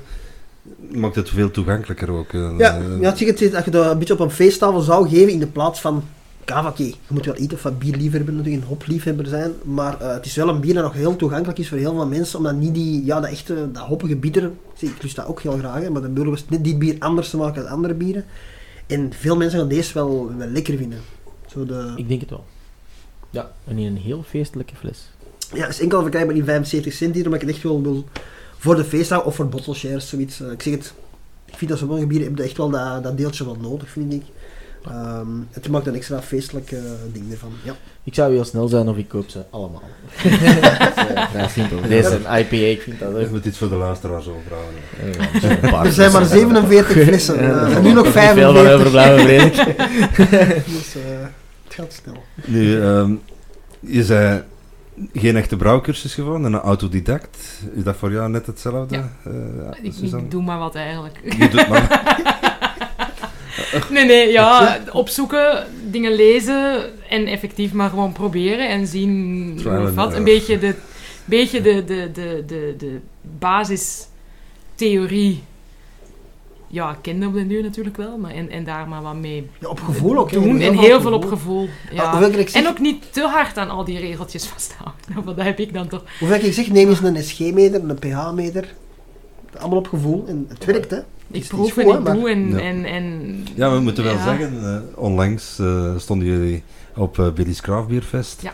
En wat ik daar gehoord heb, was toch over het algemeen heel lovend. Over beide trouwens, hè, maar alle, qua smaak toch wel eh, verfrissend eigenlijk tussen al dat andere geweld dat er staat. Waar ik niet wil zeggen dat die anderen niet goed zijn, Nee. maar, Nee, maar- je, gaat toch net, dan net iets anders. eh. zeker met, met die gozes, zoveel staan er natuurlijk niet. Nee. Ehm, Ja, het, het blijft inderdaad wel een, een, een ja, gat in de markt. is misschien een groot woord, maar er zijn er inderdaad niet zo heel veel. Of als ze er zijn, vaak, echt niet altijd, maar vaak ook niet zo uitgesproken van smaak of uitgesproken in zuurte of in, in ziltigheid voor een gozer. Dus het is allemaal zo wat... En ik probeer wel... Mijn motto is altijd een beetje, als het op het etiket staat, moet het wel ergens proeven. Ja, Iets of oké, bij sommige ingrediënten ja, geeft dat meer een subtiliteit. En als je dat dan echt vol een bak zou proeven, zou het misschien ook weer niet meer lekker zijn. Maar je moet, zeker de hoofdingrediënten moeten niet te hard naar zoeken. En, en ja, dat werkt denk ik Dat wij altijd wel. Al onze bieren, Ja. meestal is wel... Heel veel brouwerijen, ik heb wel proeven, zo, het zit er ergens in, maar net te weinig. En dan is dat soms niet... Oké, dat is dan om voorzichtiger te zijn. Ik zeg, dat is weer hetzelfde idee. Als je een grote brouwerij bent, moet, moeten meer mensen het wel lusten, want je moet het wel verkocht krijgen, je bier. Wij hebben dat probleem niet, dus als wij er nu iets te veel in doen, dan gaan een paar mensen dat niet goed vinden, maar die het echt wel appreciëren of interessant vinden, ik zeg, dat geraakt toch verkocht. Het is niet wel net verkopen aan de mensen. Ja. maar dat is meer voor de mensen die echt wel ja, echt die smaken willen zoeken. En ja, dat gaat niet voor iedereen zijn, maar wij kunnen ons dat veroorloven. Dus, ja, Ja, qua tijd en zo ook gewoon, weet je. Het is, het is, als een, het, is, het is wat dat betreft een uit de hand gelopen hobby. Rijk worden we er absoluut niet van. We moeten er niet van leven. Dus als bij ons iets een, een week langer in de fermenter moet zitten en, en, en met een extra zakje met ingrediënten bij wijze van spreken in, so so be it. Je zit, we zitten niet echt zo vast aan een... Oké, als, je, als je naar een bepaald groot festival gelijk Billy's bijvoorbeeld toewerkt, ja, je bieren moeten af zijn. Dus daar Ja. zie je natuurlijk wel met die tijdsdruk. Maar voor de rest, ja, als het niet af is, is het niet af. En dan geven we hem het gewoon nog even tijd. Of ik snij nog wel eens een ananas en dan gooi ik die er nog eens bij als het toch niet genoeg is, bij wijze van spreken. ja. Dan kunnen wij dat doen. Wij zitten niet aan een heel strikt brouwschema, wat sommige grotere brouwerijen natuurlijk wel hebben. Omdat die gewoon, ja, die moeten hun volumes, die moeten hun planning, die moeten hun dingen halen. En dat, het, het heeft zijn nadelen om klein te zijn, maar het heeft ook absoluut wel zijn voordelen om... eh, Ja, je kan echt naar een smaak toewerken Ja. eh, die, die je erin wilt. ja. Kevin, jij had absoluut een eyecatcher op eh, Billy's. Je houdt eh, ja, je vat waar je rechtstreeks uit tapte. Ja. Dat is natuurlijk eh, ook een mooie aantrekkingspool. Maar ja, ik heb me laten vertellen dat je toch het anders aanpakt dan andere brouwerijen. Ik heb de indruk, volgens hetgeen dat ik gehoord heb, dat je met nieuw hout, nieuwe vaten aan de slag gaat, waar je dan zelf, die je dan zelf vult met alcohol, om dan Klopt. De smaak die jij erin wilt in de hout, er zelf eerst in te krijgen. ja Een aparte aanpak toch wel. Ja, ook weer hetzelfde, omdat dat kan, omdat het klein is, kan ik dat ook doen. Eh, het, het idee is begonnen, ja, ik had een heel klein vatje van 15 liter, dat is mijn eerste met alpha vatje. 15 liter, gekocht al voor ik commercieel bezig was, omdat ik wel iets met een vat wou doen. Maar ja, toen 20 liter Spinal, ik krijg nooit een vat van, eh, van 200 liter vol, eh, dus dat was geen optie. Dus het kleinste wat ik gekocht was 15 liter. Ik zeg, ja, dat kan juist één batch van mijn Spinal en een goede stout, kan daar net in. Dus dat was dat 15 liter vatje, een nieuw eiken vatje. Eh, maar gewoon op eikelingen wou ik ook niet doen. Ja, tannines, dat geeft voor zich heel veel tannines. Dus toen was al het idee van, oké, ik wil eh, een bier maken. Ik ja, een eigen bourbon of een eigen een peated vat. Ik bedoel eigenlijk 15 liter daar Lafroy te gooien. eh, om een peated bier te maken, of dan een stout te maken. Dat was het eerste plan.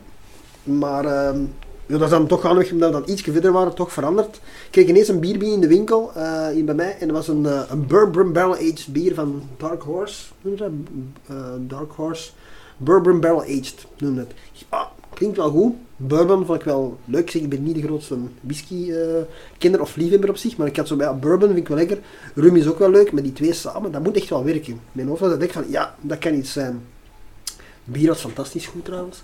Eh, maar beginnen opzoeken en dat ik zeg, ja, bourbon vaten, wat is dat? Hè? Dat, moet, dat moet echt, ja, best of both worlds, dat moet fantastisch zijn.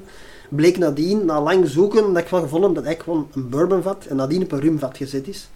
Uh, dus double barrel aged, maar eigenlijk geen bourbon vat. Maar toen ik van, ja oké, okay, bestaat dan blijkbaar echt niet bourbon vaten. Dan maak ik het gewoon zelf. Dus op dat moment gewoon uh, een blend gekocht. Uh, in dat geval, ja, ik zeg het, een blend gemaakt van die twee. In dat vatje 15 liter gevuld. Uh, ik denk dat ik toen deze keer 9 maanden volgens mij laten liggen heb. Dus dat die bourbon in het hout kan trekken. Oké, okay, dat is niet heel veel, maar een begin toch van al. Uh, dan eraf halen en dan is er bier op gegaan. Mijn idee erachter was altijd van, oké, okay, als dat vatje leeg is, hè, dus die kleine vatjes zijn verschrikkelijk duur als je dat in vergelijking met een groot vat. Ja. Um, zeg voor hetgeen dat je er maar uithaalt van, van liters, 15 of 30 liter, hè, met andere woorden, dat is een 30 liter. Uh, als je dat rekent, zo'n vat, de prijs, ja, dat is, dat is crazy ver, te verkopen. Ik dacht, ja, oké, okay, als ik dat nu terug volledig kan vullen met sterke drank, kun je dat vat wel terug gebruiken. Ik kan het terug helemaal vullen, je niet direct risico op infectie, het is ineens klaar. En als ik dat dan terug een hele tijd laat liggen, terug een half jaar tot een jaar, of hoe lang ik het ook wil, eh, kan ik dat vat terug gebruiken en gaat dat, die bourbon nog een klein beetje meer afgeven toch aan de hout. En kan ik die vaten hopelijk langer gebruiken. Dus En dan gaat die kosten naar beneden. je hebt een bourbon gerecycleerd. Ja, ja, er zit een aantal dingen. Zeg, ik heb hier ondertussen heb ik al eh, een goede 80 liter bourbon in totaal. Dus ja, dat is ook al, uitrouwen rekenen in die geld, is dat al redelijk wat. Bij elke maand dat er wat over was, kocht ik mij een paar flessen en die werden erbij gevuld. En nu heb ik hier een goede voorraad. En ik kan ik mijn vaten ook afwisselen. Als er een leeg is, kan ik een ander vat vullen. Dus mijn vaten zijn nooit leeg. Dus vanaf dat dat leeg is, een half uur later zitten die terug met bourbon. Kun je terug in een tijd in gang gaan en kan ik ze langer gebruiken. Nu, het idee, ja, ik zeg het, dat is allemaal in mijn hoofd werkt dat. Eh, niemand, eh, iedereen zegt meestal je vaten één, twee keer gebruiken, drie keer maximum. Je tannines gaan eruit zijn, het beste van je vat is eraf. Klopt wel in grote lijnen, als je geen zuurbier wilt maken, toch niemand anders, ja, Ja. dan niet. Mijn idee is wel, die bourbon die ik gebruik, die is dan ondertussen al een paar vaten gepasseerd, die haalt heel veel tannines uit het hout wel, ook al omdat je er zo lang op liggen. Eh, het idee is dat je er terug op gaat, dat je ook een klein beetje terug aan het hout afgeeft. Dat is allemaal minimaal in, ja, in mijn hoofd. Ik zeg, er, is, er is geen één studie, er is niemand die is zot geweest tot nu toe denk ik, die dat gedaan heeft, maar in mijn hoofd gaat die bourbon, want die zo tanninerijk is ondertussen al, toch ook een klein beetje terug aan de hout afgeven, waardoor ik dat toch ietsje kan rekken. Nooit on oneindig natuurlijk, maar ik hoop dat ik die toch wel een keer of vijf gaan kunnen gebruiken ondertussen. En tot nu toe, ik zeg, we zijn nu nog maar aan, aan de second fill. Eh, we zijn nog niet verder geraakt, dus ik zeg, het heeft wel tijd nodig, maar ik laat ze Op wel dingen één vat, op hetzelfde vat, twee bieren dan? Of? Ja, een tweede keer filling hebben we nu, is net eh, afgevuld en, en te koop geweest, zal ik zeggen. Dat Hij is. Ehm daar wel, je- zo weinig van zijn. Merk je er al, allee, voor zover dat je het exact kunt vergelijken in de tijd, merk je er al een verschil in, in smaken? Ik merk verschil, maar dat ligt aan twee dingen. Ik, zeg, ik heb van de week, vorige week een, eh, een tasting gedaan net van alle vijf de versies die er al geweest zijn ondertussen. En er zit al een verschil in evolutie in je eigen brouwcapaciteiten of ideeën zal ik zeggen. De eerste stout was nog een pak dunner en, en wat, wat ruwer zal ik zeggen. Tegenover de huidige is een ietsje zoeter toch worden. omdat er, Ja, de markt vraagt nu al ietsje zoetere stouts wel. We hebben altijd geen pastry stouts, maar wel toch ietsje zoeter. Ehm, dus daar zit dan wel een deel verschil van zichzelf. Ehm, maar je merkt wel ehm, dat het vat wel iets anders begint te doen. Natuurlijk, ze zijn niet allemaal vergelijkbaar. Het is altijd een ander vat dat gevuld wordt. Eh en de tijd dat het bier of de bourbon erop ligt, is ook altijd verschillend. Daarmee dat ik ze ook allemaal heb eh, ja, genummerd, of gealfabetiseerd van alpha tot, eh, tot delta ondertussen zitten we. Ehm, je kunt ze wel allemaal online volgen, dus elk, voor elk vat is de historiek altijd op de website eh, terug te vinden. Ook voor mezelf, omdat ik dat altijd ook anders vergeten wil. Eh, maar daar zie je wel het verschil in. Als je iets langere bourbon heeft opgelegen, bourbon, bourbon heeft opgelegen, ehm heb je wel minder tannines in bier. Dus het wordt dan meer een bier dat je meer de drank proeft en minder van het vat proeft. Dat heb ik nu vooral ontdekt bij de laatste twee versies. Eh, Eentje die echt maar ja, minimum 9 maanden opgelegen heeft, maar de bourbon ook maar 9 maanden. Dat is anders. De andere vat heeft er eh 16 maanden opgelegen, de bourbon. En in die veel meer tannines al uit het hout getrokken. Omdat het nieuw vaten zijn, zeker ten eerste film. Eh, en daar je echt wel verschil in. En dat vind ik ook wel heel interessant. Dat je ook, ik zeg het, er is al heel veel met vaten gedaan en de meeste brouwers kopen bur- bourbon vaten, zal ik zeggen. Maar ik wou iets anders doen, met vaten ontdekken wat er nog niet veel mee gedaan is. En omdat dat zo klein vatjes zijn, kan ik dat ook. Er gaat geen ene brouwer zo gek zijn om een 200 liter vat te vullen met bourbon. Eh voor dat opzij te leggen en dan terug een ander vat te vullen. Eh, Dus, het slapend kapitaal, eh, noemen ze dat dan. Ja, Je moet, het, eh, Ja. je moet het je inbeelden. Hè. Je komt hier gewoon een biertje kopen. En ineens staat er achter zijn een teug waar er links van hem dan de, de oude geuze staat. Staat er daar ineens een, een, stonden een paar vaten. Één dingetje, waar met eentje echt was alleen alfa. De, de kleintje was de, klein, de 15 is het kleinste en dan heb ik dan er twee bij gekocht. Twee van Dan, 30 eh, liter, ja. Ja, je hebt een deeltje van de, van de bourbon ook op kleine flesjes eh Ja, is hebben we afgevuld. Voor mensen die dan, ja. konden... Ja. Om dat eens te Proeven. wat die mix doet van, een, van bourbon en rum, wat al, weet ik het hoeveel maanden, op vaten heeft gelegen. Ehm, wat dat doet met die Ja, drank. En dat wordt een eigen drank. Ik zeg dat ik En dat is eigenlijk, ja, is lekker. Ik denk dat er veel mensen op, eh, op die ideeën komen, maar dat, allee, dat er gemiddeld wat brouwers op die ideeën zouden kunnen komen, maar dat er heel veel na twee seconden, nee, dat gaan we toch Nee, niet dat doen, want dat is niet realistisch, of dat gaan we niet. En dan gaat Kevin eh, door. En dat vind ik wel, En- eh, en ja, dat, dat apprecieer ik dan. ja. Ja, dus ik besef ook dat kan, dat kan alleen maar omdat je dat in het klein doet. Ja. En omdat het Ja. een hobby is. Anders is dat, ja... Zeg, commercieel is dat geen, geen, geen deftig product. Zeg, die bourbon, die reeks, hè, halve liter, die kost redelijk wat geld. Ik zou het ook niet snel zelf aangeven zelfs. Behalve als ik het verhaal erachter weet. Dat is heel belangrijk. Dat vind ik, ik heb minstens bieren die tien keer zo goed zijn. die je voor veel minder geld kunt kopen, bij van spreken. Maar omdat hier het hele verhaal, dat, weet, dat deel brengt mee. Maakt dat dat bier beter op zich? Nee, dat maakt dat bier wel interessanter, denk ik wel. Uh, een beetje hetzelfde met, met Geuze. Ik bedoel, eh, heel veel mensen zeggen in het buitenland, waarom is Geuze zo aanzien in het buitenland? Dat gaat een deel om dat bier wel, maar dat gaat in grote deel ook wel om de historie die erachter zit. Hè. Bedoel, in Amerika zijn ze gek van de Geuzes. Puur omdat die historie erin, dat ze weten, ja, dat is van in de middeleeuwen al gebrouwen, ouder wit, en dat moet zoveel jaren op vaten liggen. Dat deel is heel belangrijk. En daar zijn we in België, denk ik, hey, daar zijn ook de trappisten zo populair wereldwijd, omdat dat, dat zijn bieren met een historiek achter zo. Ja. En ik zeg niet dat ik hetzelfde wil doen als dat, maar ja, ik probeer wel in mijn klein ideetje, is er ook al, hey, dat is maar heel kort, hè, 2019, dat is bijna niks, maar er is wel een historiek. Als de mensen willen weten wat er met een bepaald bier die hebben staan, kunnen ze dat opzoeken en er zit een soort klein historiekje achter, zal ik zeggen. Elk van mijn bier heeft wel een, een verhaal erachter zitten. Uh, en dat vind ik wel een belangrijke. Dat, uh, ik heb dat geleerd eigenlijk van Jeff Piers van de Amaalderij, zo, de meerwaardezoeker. Zo, ja. Een raar woord, maar dat is wel zo. Ik vind dat wel een belangrijke. En daarmee dat ik, ik daar heel veel in, in apprecieer. Die doet ook van die dingen, die vecht ook soms tegen de bierkamer. Die doet ook dingen die niet door iedereen begrepen of geapprecieerd worden altijd zo. Maar ja, voor de deel van de mensen die echt dat deeltje voorbij het bier willen kijken zelf, hè, dat is heel tof, bier drinken, dat is ook lekker. Maar dat verhaal daarachter is ook minstens soms even belangrijk. Of maakt je bier interessanter, op zijn minst. Ja, absoluut. Maar Kevin, um, eigenlijk, en ik zie hem hier zelfs op tafel liggen, jij hebt ook wel iets met hout, hè? Want ik, die een afkletser noemen ze dat toch, hè? Uh, die is super bekend hè, van. Die kom ik op, uh, op het internet ook bij elkaar wel bekende mensen tegen. En, uh, ja, ik zie die geregeld passeren. En jij doet toch geregeld dingen met houtbewerking? Of?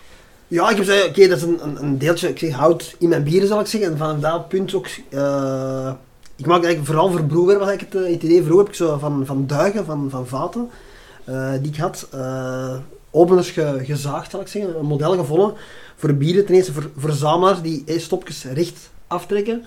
Um, en die ook zo waxflessen uh, kunnen. Uh, ik zeg dat zoiets, ja, dat bestond nog niet op de markt. En ik zeg meestal, als het niet bestaat, dan zoek ik ze.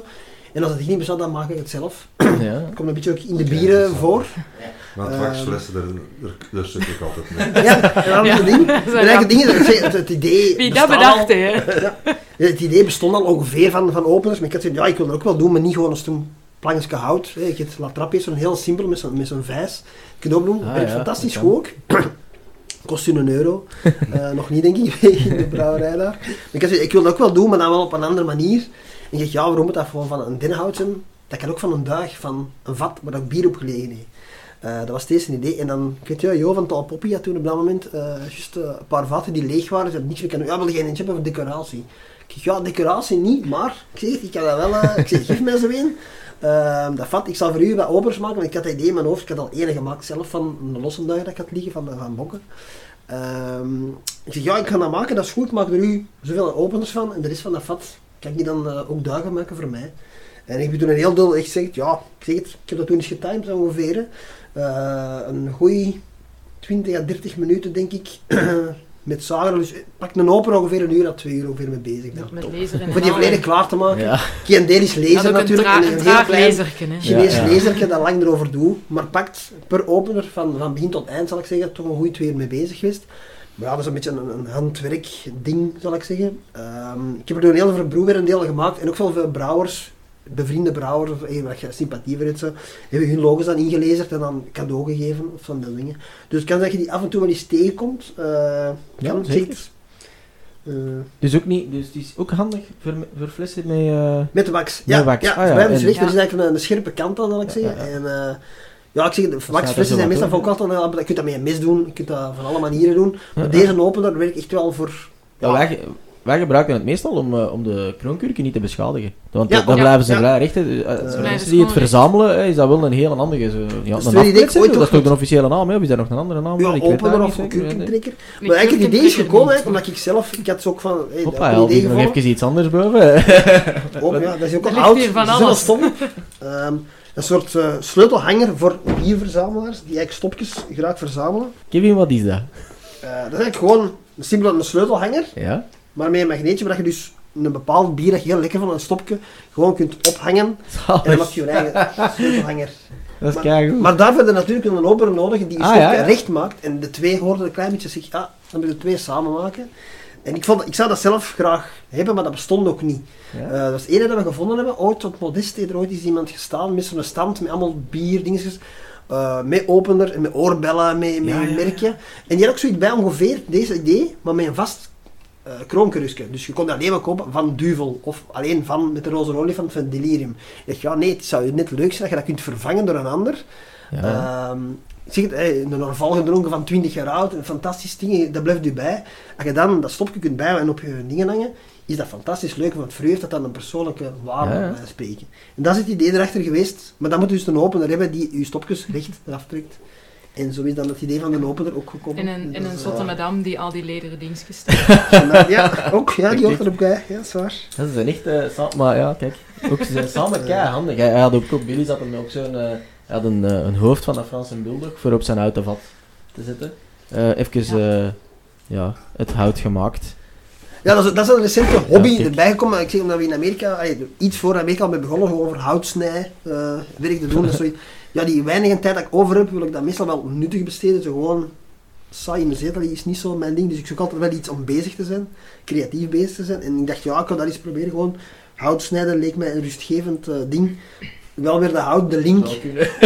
De link toch weer al mee met hout. Ik, ik, ik vind hout heel interessant qua, qua producten. Hey, voor kunstwerken kun je er iets mee doen. Voor bier, hout is En heel, voor, je heel... kunt er taphendels van maken, hè, dus dat was een leuke Ah, ja. extra bijkomstigheid. Ook, ja, Ja. voilà. Ik begin me wel de vraag te stellen, vind je nog wel tijd voor dat? Ik snap niet Lastig. dat hem s'nachts niet veel slaapt. ja, die ideeën Allemaal moeten s'nachts eh, komen.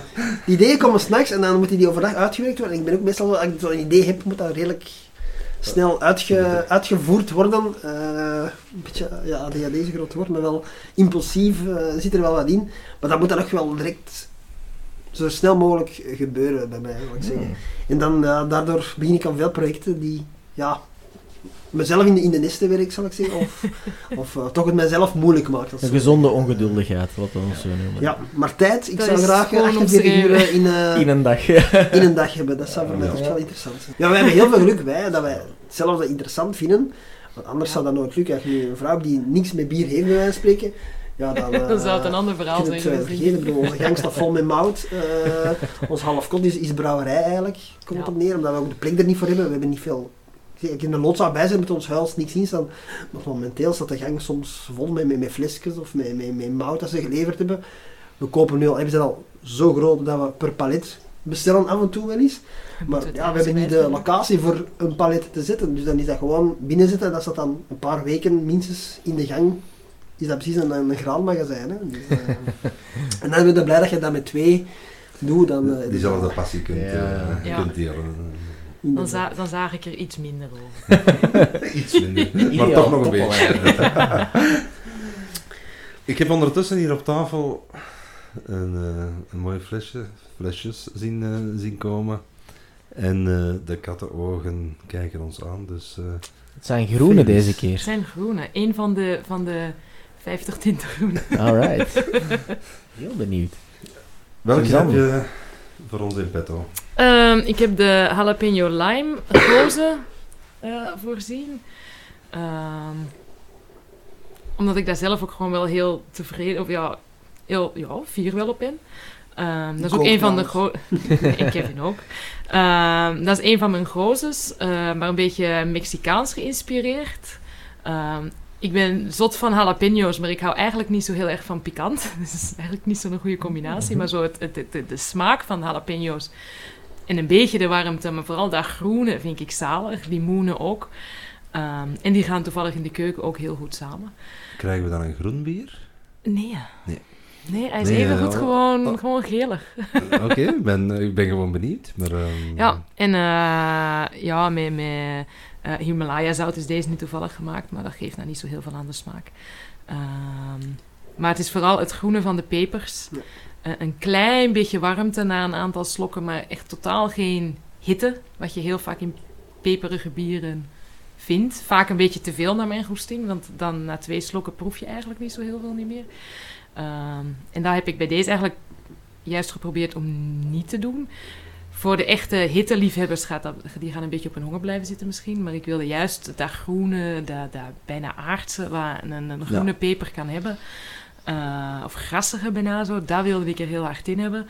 Ehm, en dan het frisse van die limoen met dat zouten en dat zuurke. En Ik ben eigenlijk blij dat je, dat je de uitleg geeft voor je het uitgeeft.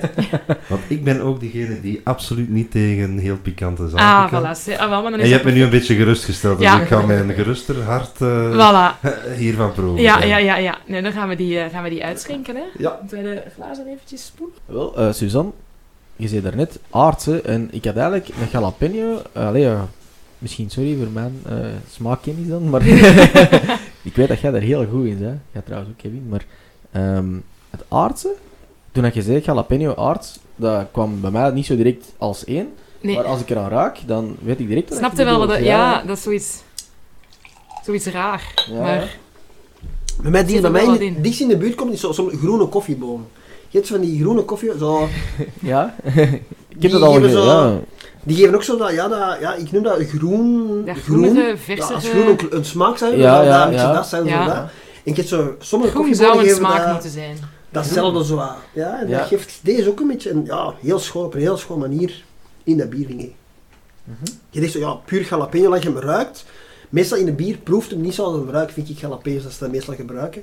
En deze bier, ik proef echt, like dat, like dat ruikt, like een jalapeno die aan het snijden, echt zo, dat, dat, dat groene zit er echt wel in. En dat werkt fantastisch goed. Super, hè? Ja, je hebt me niet alleen met woorden gerustgesteld, nu als ik het proef, ben toch nog, Gelukkig, eh, maar toch nog een beetje met, eh, met angst eh, in de oren eh, aan begonnen. het blijft een peper Maar- natuurlijk. Maar, ja, ja, maar het, het zit goed in balans. Ja. En ik denk dat dat, dat, dat zouten, dat zilte, dat een beetje tempert. ook. Dat helpt er Eh, ook Dat zeker wel. eh, Ja, ja, ja, dat dat- zout, dat doet dat- zoveel. Dat daardoor dat pikanten wat uitgevlakt Ja. wordt. En dat zit ook Ja. effectief. Ik heb eh, bij het, het, het grootste deel van de jalapeno's die erin zijn gegaan, zijn ook echt gewoon de pitjes, de, de, de zaadlijsten uit. Gewoon om heel hard te focussen op die smaak. En dan van een deeltje zijn ze er wel in gegaan. Om ook gewoon wel. je, iedereen verwacht ook wel Anders iets of wat warmte van een peper. Ja, en zo ja. na een aantal slokken heb je een klein beetje. eh, maar, maar nooit heet. Ja, en nooit. Nee. keel krijg je zo een klein Ja, beetje... als je totaal geen, geen pikant kleine gewend bent, voel je het een beetje. Als je elke dag hot sauce in je eten gooit, ja, dan gaat het niet proeven. Maar ja, Ja. goed, dat... Ja, kan ik ook niet aan doen. Nee, maar je hebt altijd wel het idee van de jalapeno Maar dat je hebt nog... Voilà. dat heb je Ja, wel sowieso. Dat Ja. interesseert ook al, ook al heb je. Maar het, spicy. het, het, het, het, verdooft je smaakpapillen nooit. Het is, dus je kan hierna nog perfect een ander bier drinken en alles proeven. Terwijl bij heel veel peperbieren ja, is het gedaan voor de avond. Omdat je gewoon zo... Omdat ze vaak heel pikant zijn. Ja. Ehm, en ik wilde vooral juist die smaak van die jalapeno's. Want die, ja, ik, ik, zeg, ik vind dat gewoon keihard.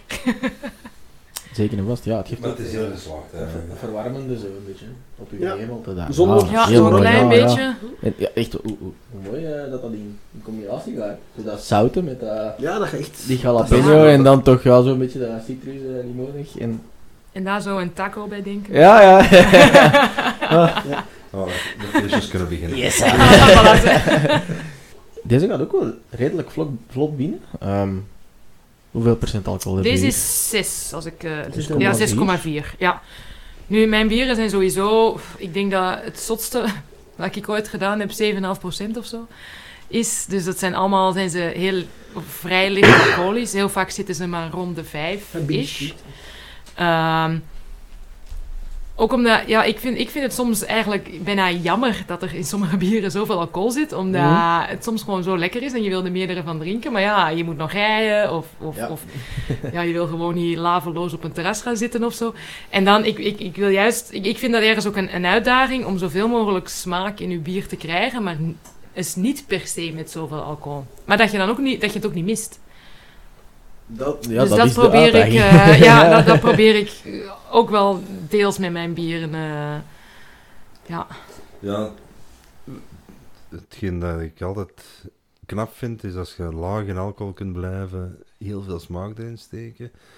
Eh, maar ik apprecieer heel hard ook, als je wat hoger in alcohol gaat, dan kun je meer gelaagdheid in je, in je smaak krijgen. Ja. Dat je een totaal andere smaak in je nasmaak hebt dan in je basissmaak. En dat vind ik dan ook weer heel interessant. Dus Ja, ja, Alle- alles alle- heeft alles zijn... heeft zijn eh. Dat is meer absoluut. mijn ding, daar ben ik ook. Eh, Dus- Zure bier en ik meer Ja, gewone, hey, gewone bieren. samen Ik hebben we een heel wel, uitgebreid... Ouderwetse stijlen, maar meer alcoholische. Ik, ik ben ja, op dat punt een beetje een echt een ouderwetse Belg, laat ik zeggen. Onder de 7 is het niet goed. Dat is ook niet waar natuurlijk. Totaal niet. Zeker in Goos is dat niet. In mijn bieren, ik, ben, ik ga niet rap een bier maken onder de, ja, minstens onder de 6 niet, à 7. Ik vind dat wel een, een schoon percentage, gewoon puur een redelijke zekerheid qua body. Als je niet te veel met suiker werkt, als je veel met mout werkt, maar dan rond de 7, zit het redelijk safe dat je toch iets van body in je bier hebt. Maar dat is ook Inderdaad, een, een- ik vind dat ook een heel interessant eh, alcoholpercentage. Want eh, misschien is dat voor jullie minder van belang, maar als je echt commercieel eh, eh, wil, wil op de markt opgaan, wil er meer dan één verkopen natuurlijk.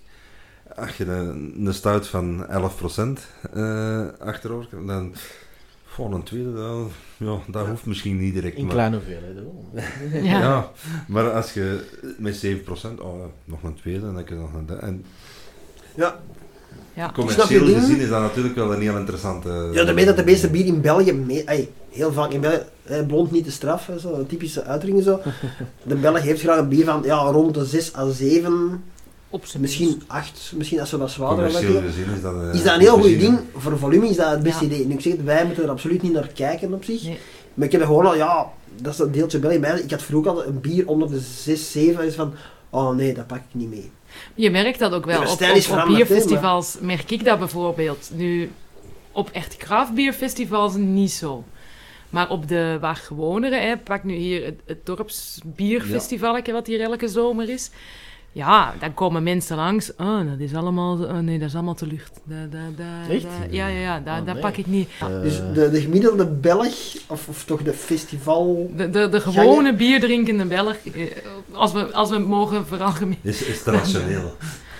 Ja, ja, op dat punt wel, hè. dat is niet per se dingen. Maar Ja. zo, daar krijg je meestal kool, of ja, goedkoop sap. Waar voor ik zeggen. Ik, ik heb een hekel aan, aan vrouwenbier en, en om nou wel dat segment, of, of om daarin geduwd te worden, of weet ik het wat. Dat merk je wel. Dat bijvoorbeeld mijn bieren dan bij vrouwen wel weer veel toegankelijker zijn, doordat, omdat ze wat dichter zou verder naar gewoon cocktails bier. denken. Of, of inderdaad, het is geen gewoon pintje bitter en weet ik het wat. Ehm, dus daar zie je wel dat, dat bij de gewone mens, dat dat, dat dan wel... Maar bij een gewoon... Ja, die, die, die, die snappen niet wat ik doe, hè. Die, die, die hebben Die vinden dat geen bier, hè. Heel wat, dat is dat geen bier niet meer, dat proeft niet aan de pils. Ja. Nee, Nee, tuurlijk die, niet. die snappen dat niet. Die, die, eh, die, Dat is de, als dat de standaard is, een eh, gemiddelde traditie, allee, eh, Ja. veel verkrijgbare supermarktpils, als dat de standaard is, dan begrijp ik wel Ja. dat het moeilijk is om u überhaupt in een speciaal bier eh, los Ja, van... ja, ja, het is dat. eh, Maar ik heb dat ja, heel vaak wel, als je zo... eh, Wij zitten in de craftbierwereld in vooral, en je zit er van Mhm. binnenuit, en aan het tijd vergeet als we zo, je zo de voeling, verliezen zo'n beetje met de... Ja, Jan met de pit, zal ik zeggen, Mhm. om het oneerbiedig te zeggen zo. Maar zo, de- ja, wij denken dat dat een hele grote wereld is, maar zeker in België is dat... Ja, dat is een niche-markt. En dan eh, nog niche in niche, zeker in die speciale... Je hebt al de, de pils drinken, die gewoon duur schroef drinken. Dan heb je degene die al iets experimentelers gaan. eh, die in de super, al is een Leffen of een Grimberg of, of zoiets gaan. En dan heb je de mensen die nog in het Belgisch bier zo wat de specialetjes zoeken, omdat het Belgisch is, vooral maar toch in een triple en blond. En dan heb je En de pas. Hè. Dus dat is echt, Ja, ja, ja, ja. als je dat zou uittekenen in, in, een, in een verzameling en dingen. Dat is het kleinste vakje, hè. Ja. Ja, ja. Maar wij, omdat je erin zit, je dat dat de grote wereld is. Ja, en is zeker dat- in België denk ik juist omdat daar zo een ehm, biercultuur in gebakken zit, Absoluut. Ja, ja. is, is dat kraafdeeltje is zelfs nog kleiner en later op gang gekomen. En, en, veel moeilijker om te ontwikkelen. moeilijker, ja, dan een Nederland die met veel minder historisch, dan een Amerika die met veel minder, die, die doen gewoon en dat marcheert, want oh, dat is lekker. ja, ja. En hier is het, ja, maar dat is geen trippel. En dat is gewoon heel, gewoon maar even heel generaal. Maar ja, dat, dat, is, dat, dat is op zich een moeilijk wereldje binnen België. In België zou dat goed voor als je in Amerika gaat met een Belgische brouwerij en je maakt daar een triple, een blond en een bruine. Ja. Dat is zo su- succes, hè. Ja, ja, dat, dat begrijp ik. ook. Ja, dat- dat, dat is dat- Belgisch, hè. dat Dat, is, is dat is Belgisch, ja. ja. ja. Dat is een En beetje daar zijn wij ook heel goed in geworden en heel bekend in gedaan. Ja. Dus dat mogen we zeker niet vergeten, dat deeltje. Klopt. Maar er is meer als dat. In België is het net, ja, vechten we tegen ons voordelen van het buitenland. Ja. ik. Dat is een heel, ja, heel Ja. raar ding. Als je er zo bij stilstaat, is dat echt een, een heel interessant onderwerp. wel, Maar dat is heel, heel speciaal, ja. Maar los daarvan, ehm, kijk, ik, vind het, ik vind het zowel super dat uw bieren dingen laten proeven die dat, van Kevin dan, hè, die dat niet typisch zijn aan, aan die Belgische markt, dan zo echt die gerookte, dan die white cider, dat je ook hè, in, in veel dingen gebruikt, hè, dat je dan zelf ook gaat bewerken. Je legt die in de oven en je, doet van alles met dat hout. Ik vind dat echt super. En bij u vind ik het vooral, ehm, bij Suzanne is het zo, de smaken dat je ook daar gaat in... eh, Kijk, de smaken staan op het flesje en je vindt ze echt exact terug in dit glas. Dat, dat vind ik er zo tof aan. Er staat op jalapeno, zout, eh, kijk, en als je die afgaat, zo in je lijstje Ja. kun je ze allemaal aftikken. Tik, tik. Eerlijker dan dat kunnen het niet. Nee. Het niet. Nee, we hebben alle, alleszins al twee heerlijke bieren gedronken. Ik heb nu nog wel een vraagje voor jullie. Zijn er zo nog stijlen waar je denkt van, daar wil ik me ook nog eens aan wagen? Of daar wil ik nog eens exploreren?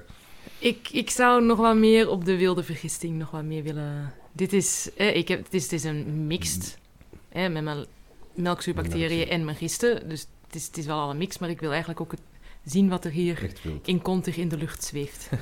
en wat dat doet. Ik ben sowieso, los van bier, ook wel een beetje op fermenteren van voeding, zuurdesem, dat soort toestanden. Ja. Ook wel een beetje bezig, dus ik, ik, ja, ik wil zien wat dat allemaal nog verder... En is dat al een, is dat nog een wild idee? Eh, misschien een flauwe woord. Op zich, ik, ik, ik moet mezelf nog een vatje kopen. Of, of ze wachten maar een vatje een gebruikt Of ik Ah, ja, nog een vatje, een, een, een, een afgedankt vatje. We hebben een, een, een, een- ik ben daar denk ik het kleinste koelschipje ter wereld. Waar?